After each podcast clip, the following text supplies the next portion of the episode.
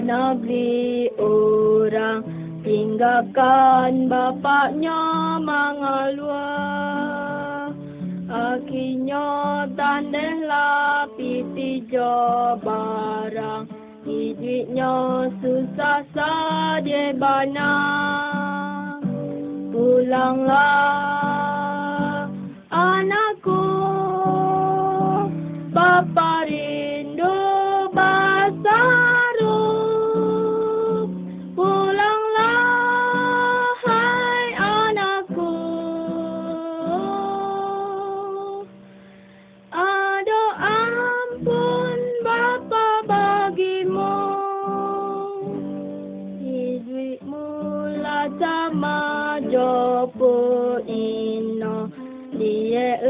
Lihatlah jalanmu lah sasel Pulanglah tapi aku sayang. Kematianmu lah daket Pulanglah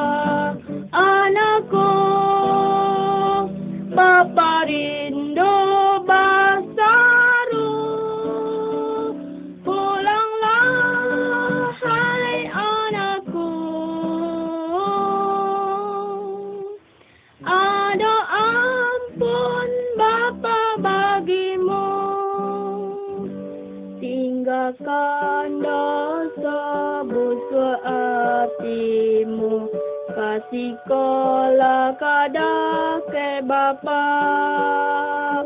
Hai berapa senang duduk satunya.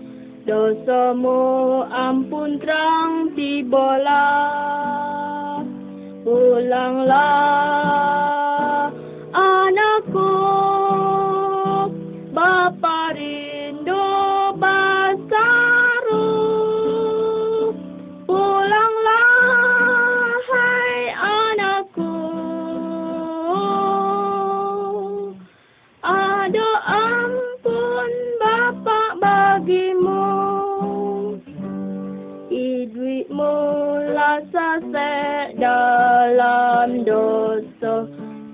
Tuhan panggil nakku baliklah. Kok dalam mek tentu kita binasa Selamatmu nan kakak hilanglah. Pulanglah. Anakku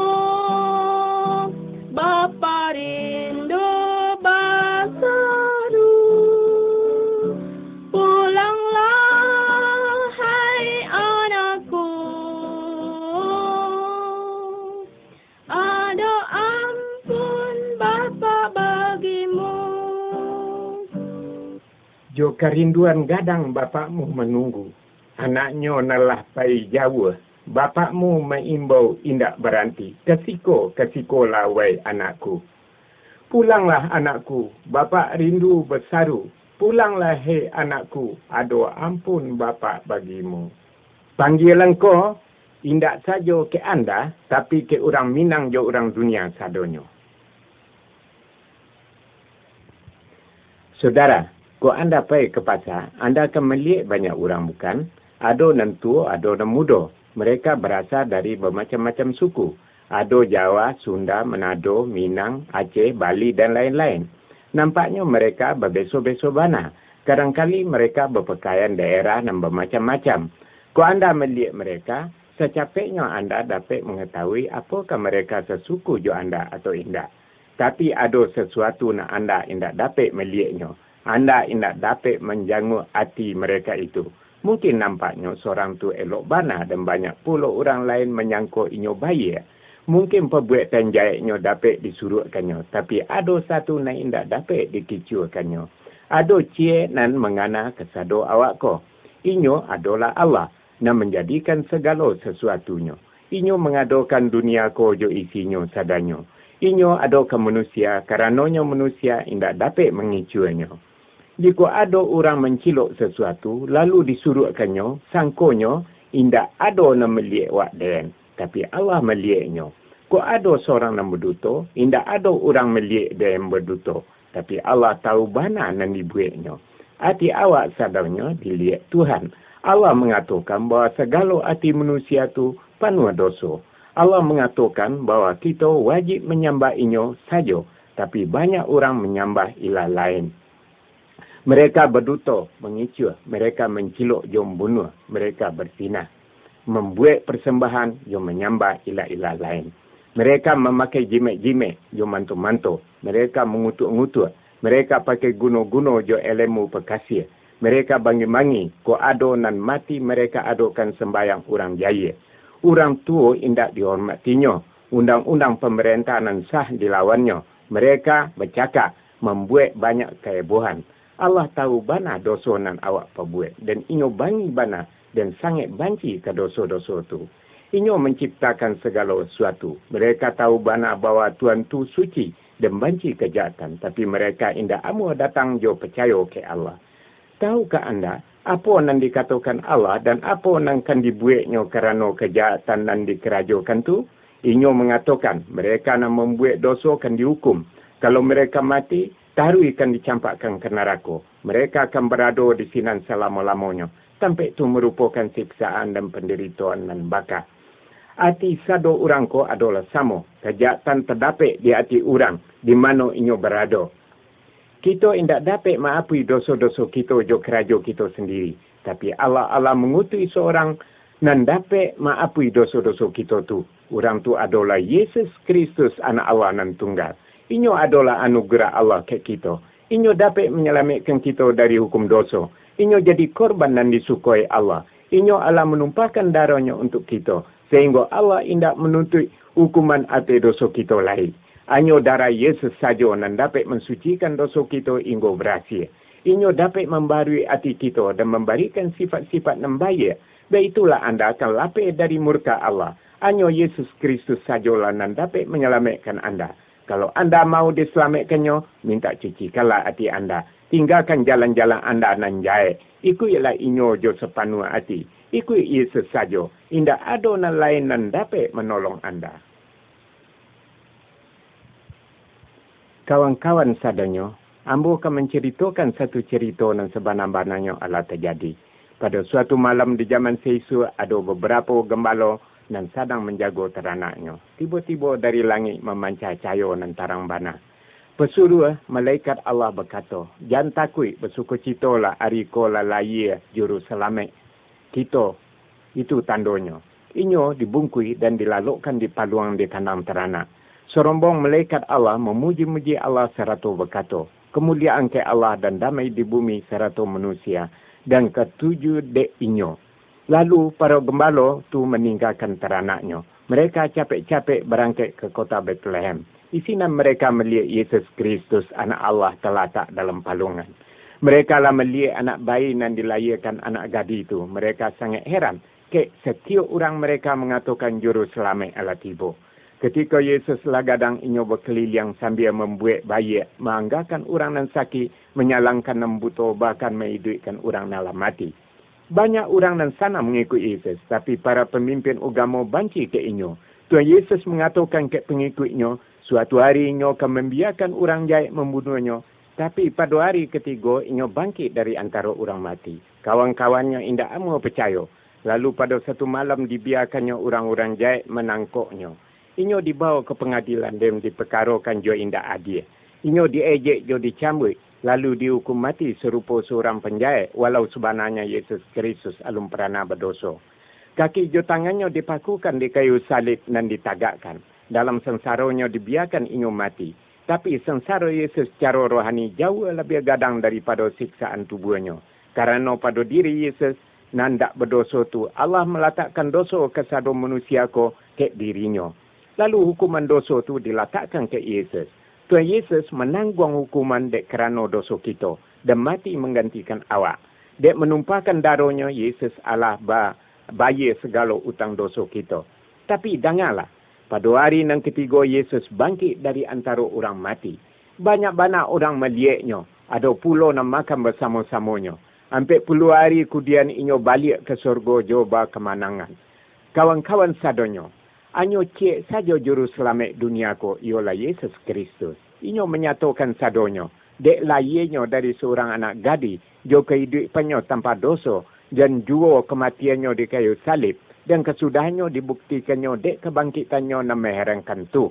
Sampai kini ko, orang-orang nan laba kuasa dahulu terletak juo dalam kubur, indak bangkit. Tapi kematian indak dapat menahan Tuhan Yesus. Dek apa? Oh, karenanya inyo adalah Allah.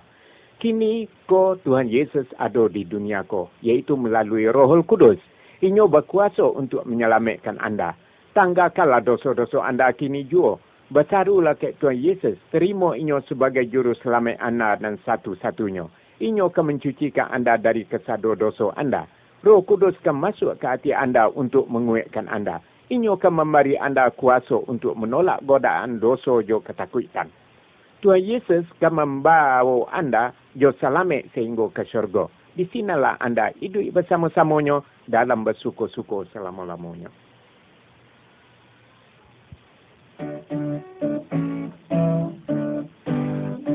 Kasih kau dan susahmu, Yesus ibukan, jatuh sungguh, berikan babanmu ke Yesus, ya hatimu kuat.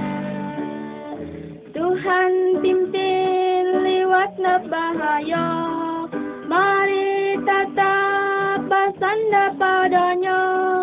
Jangan sandar ke orang pula pada Tuhan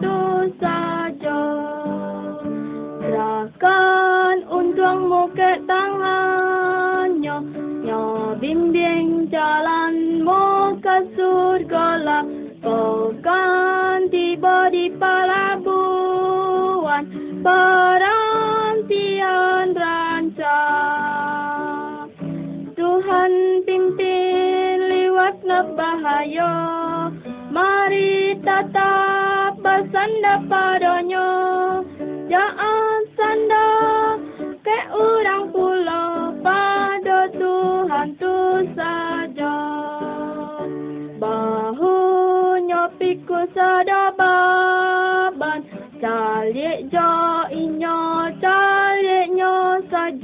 Meski susah sandar ke inyo, dengarlah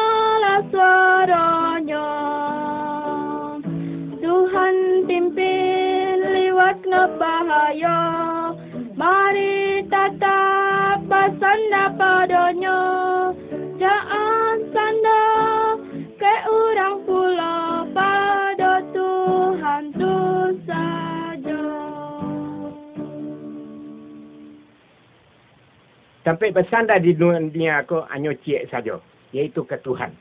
Dan Tuhan Yesus itulah yang melapirkan kita sadanya. Dari dosa kita, dari kesusahan, dari sakit dan penyakit, hanya Tuhan Yesus yang mati di salib di kayu salib. Tuhan Yesus itulah Tuhan yang memperhatikan awak sadanya. Sekini, apabila awaklah percaya dan mengaku inyo sebagai Tuhan sebagai juru selamat kita, maka dosa-dosa kita dilapirkannya. Dan kita sama sekali diselamatkannya. Indak saja pengharapan ambo ke orang Minangkabau, tapi ke orang dunia sadonyo ko. Itu akan jadi apabila Yesus diterima menjadi juru selamatnya.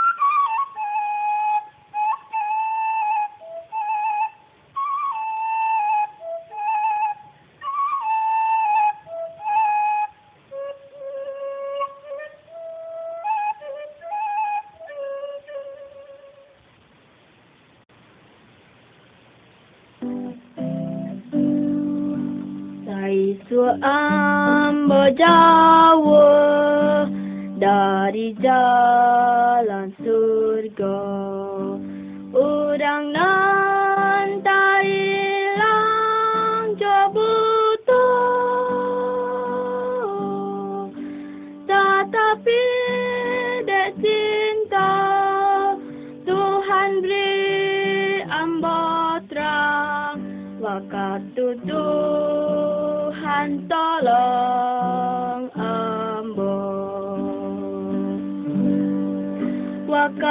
Tuhan tolong amba maka tutup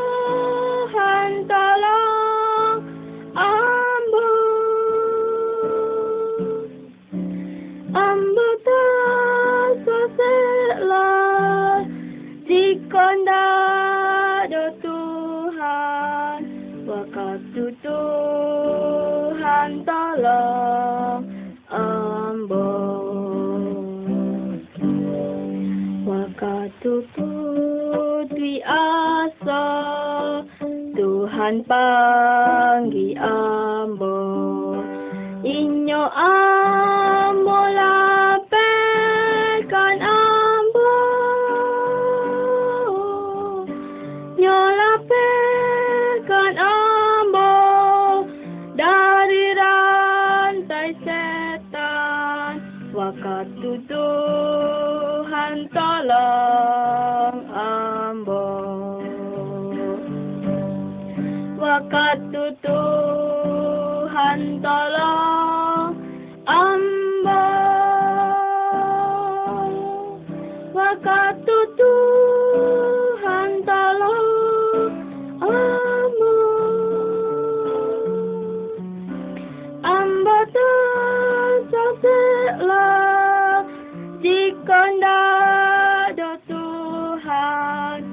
Waktu Tuhan tolong ambo Atimbo sananglah Sajak mo pilihnya. Angin ribut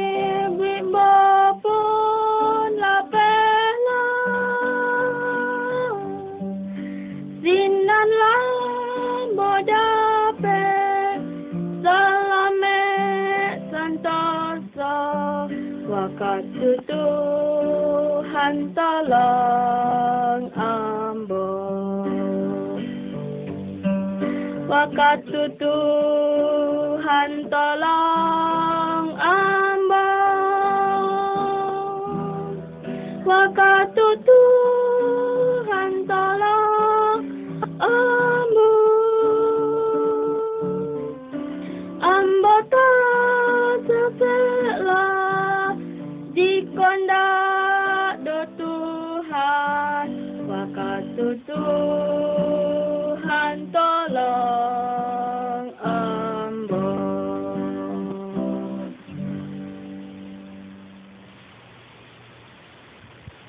kebahagiaan nan abadi. Setiap manusia di kolong langit ko mencari kebahagiaan, yaitu nam fana jo nan abadi. Kebahagiaan nam fana hanya serupa rumput jo jerami sajo. Sebanta menjadi layu jo lapu hendak memberi bakai. Pertama-tama anda harus mengetahui rahsia kebahagiaan ko. Arato, kekayaan jo sukses hendak memberi kebahagiaan dan sesungguhnya. Di antara orang yang terkaya di dunia ko adalah orang-orang yang banyak dapat celaka, indak berbahagia. Kebahagiaan indak serupa banda, seumpama piti jo pemato-pemato. Kebahagiaan tu terletak dalam seseorang. Inyo berada dalam lubuk hati orang tu. Itulah sebabnya kebahagiaan sejati tu dan indak lapuk dek hujan, jo indak lakang dek panih. Kini ambo akan ceritakan rahsia kebahagiaan tu. Kebahagiaan adalah akibat daripada perdamaian dengan si cipta anda. Indah, seorang juo dapat sungguh-sungguh berbahagia, kecuali inyo tu bana dalam lubuk hatinya. Ada damai antaranya jo Allah nam bana. Apa sebabnya manusia tu indak berasa berbahagia? Kerana indak taat ke penciptanya. Ikulah nan disebut dosa. Dosa tu lah nan merampai damai dari manusia tu. Perkara yang paling baharago di dunia ko ialah berasa bahagia. Arato, kolah nan dicari-cari manusia. Ala basuo di anda arato nan barago ko. Jika anda amu mempunyai arato nan gadang ko, ialah damai jo kebahagiaan, anda harus mengikut langkah-langkah nan sederhana bana. Sebalun ambo tarangkan langkah ko, ikolah sabda Allah dalam Yesaya 55 ayat 6. Andaklah anda mencari Tuhan sementara laikan dapat. Berdoalah ke inyo sementara inyo daket. Dalam kuasa doa itulah dan keikhlasan mencarinya tu, kita akan dibawa ke alam tarangnya. Sehingga kebahagiaan abadi kan kita rasakan. Sabda Allah membawa kita jauh melincingkan jalan untuk mencari damai jauh kebahagiaan tu. Kalam tu berkuasa melanyukkan perbasangko, maapui kesombongan hati, menghancurkan kuasa kegelapan. Sehingga kuasa Allah tu memberhasilkan hati kita. Dalam Filipi Ampek ayat 8, Tuhan bersabda, lain dari itu, hei saudara-saudaraku, barang apa nan bana, barang apa nan indah, barang apa nan adil, barang apa nan kedengaran elok, jika ada sesuatu kebaikan, jika ada sesuatu kepujian, itulah nan anda anda pikirkan.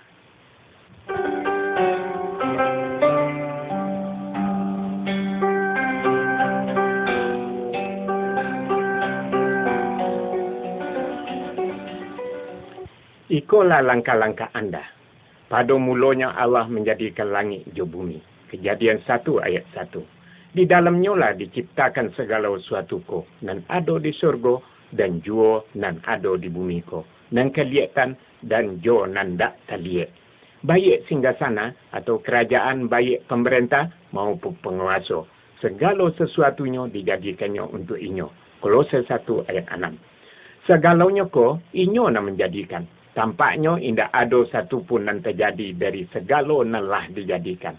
Yahya satu ayat tiga. Engkau kan menamakannya Yesus kerana inyolah nang kan menyelamatkan dosa umatnya. Hal itu terjadi untuk mengganukkan dan difirmankan ke Nabi.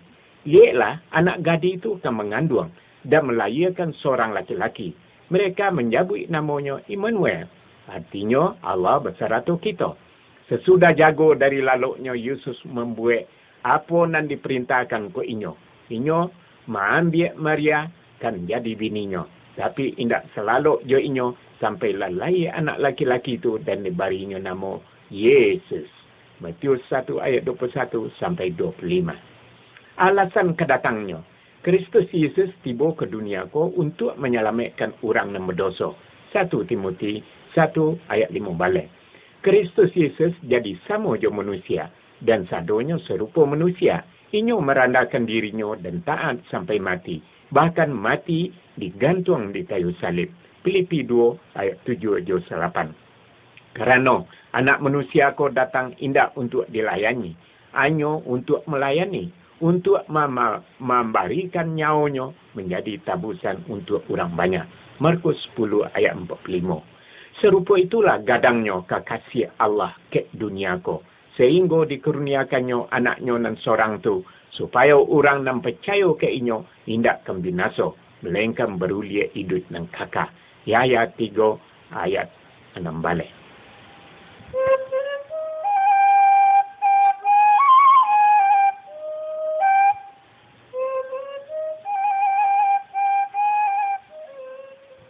Anan dikatakan Yesus Kristus, untuk itulah ambo lahir dan untuk itulah ambo ke dunia ko, supaya ambo memberikan kesaksian tentang kebenaran.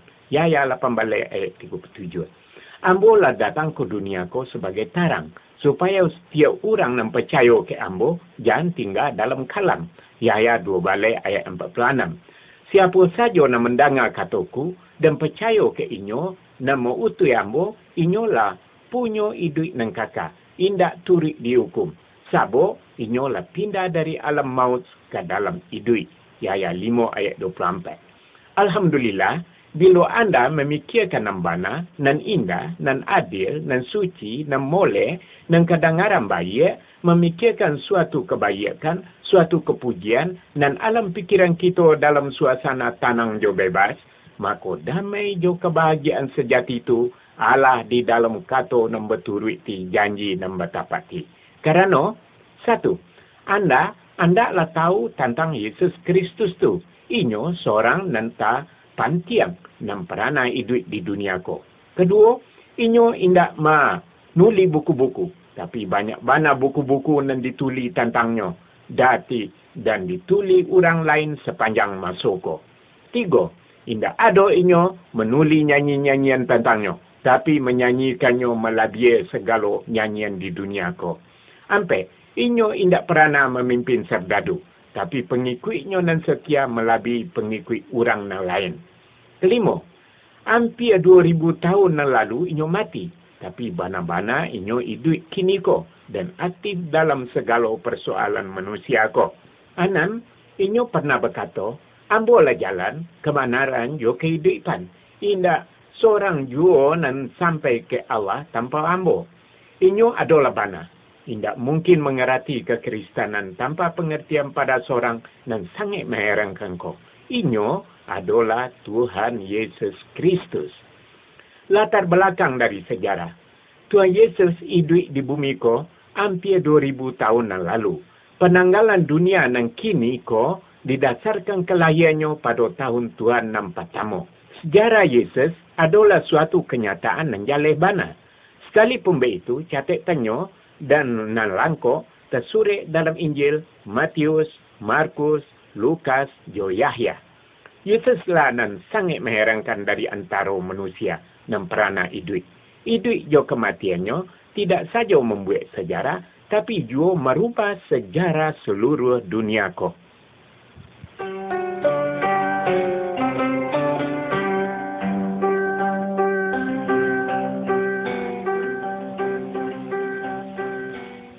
Kerana itu, pertama, jika jo iman anda mengaku dosa-dosa anda ke Yesus, inyo bersedia mengampuni dosa-dosa anda.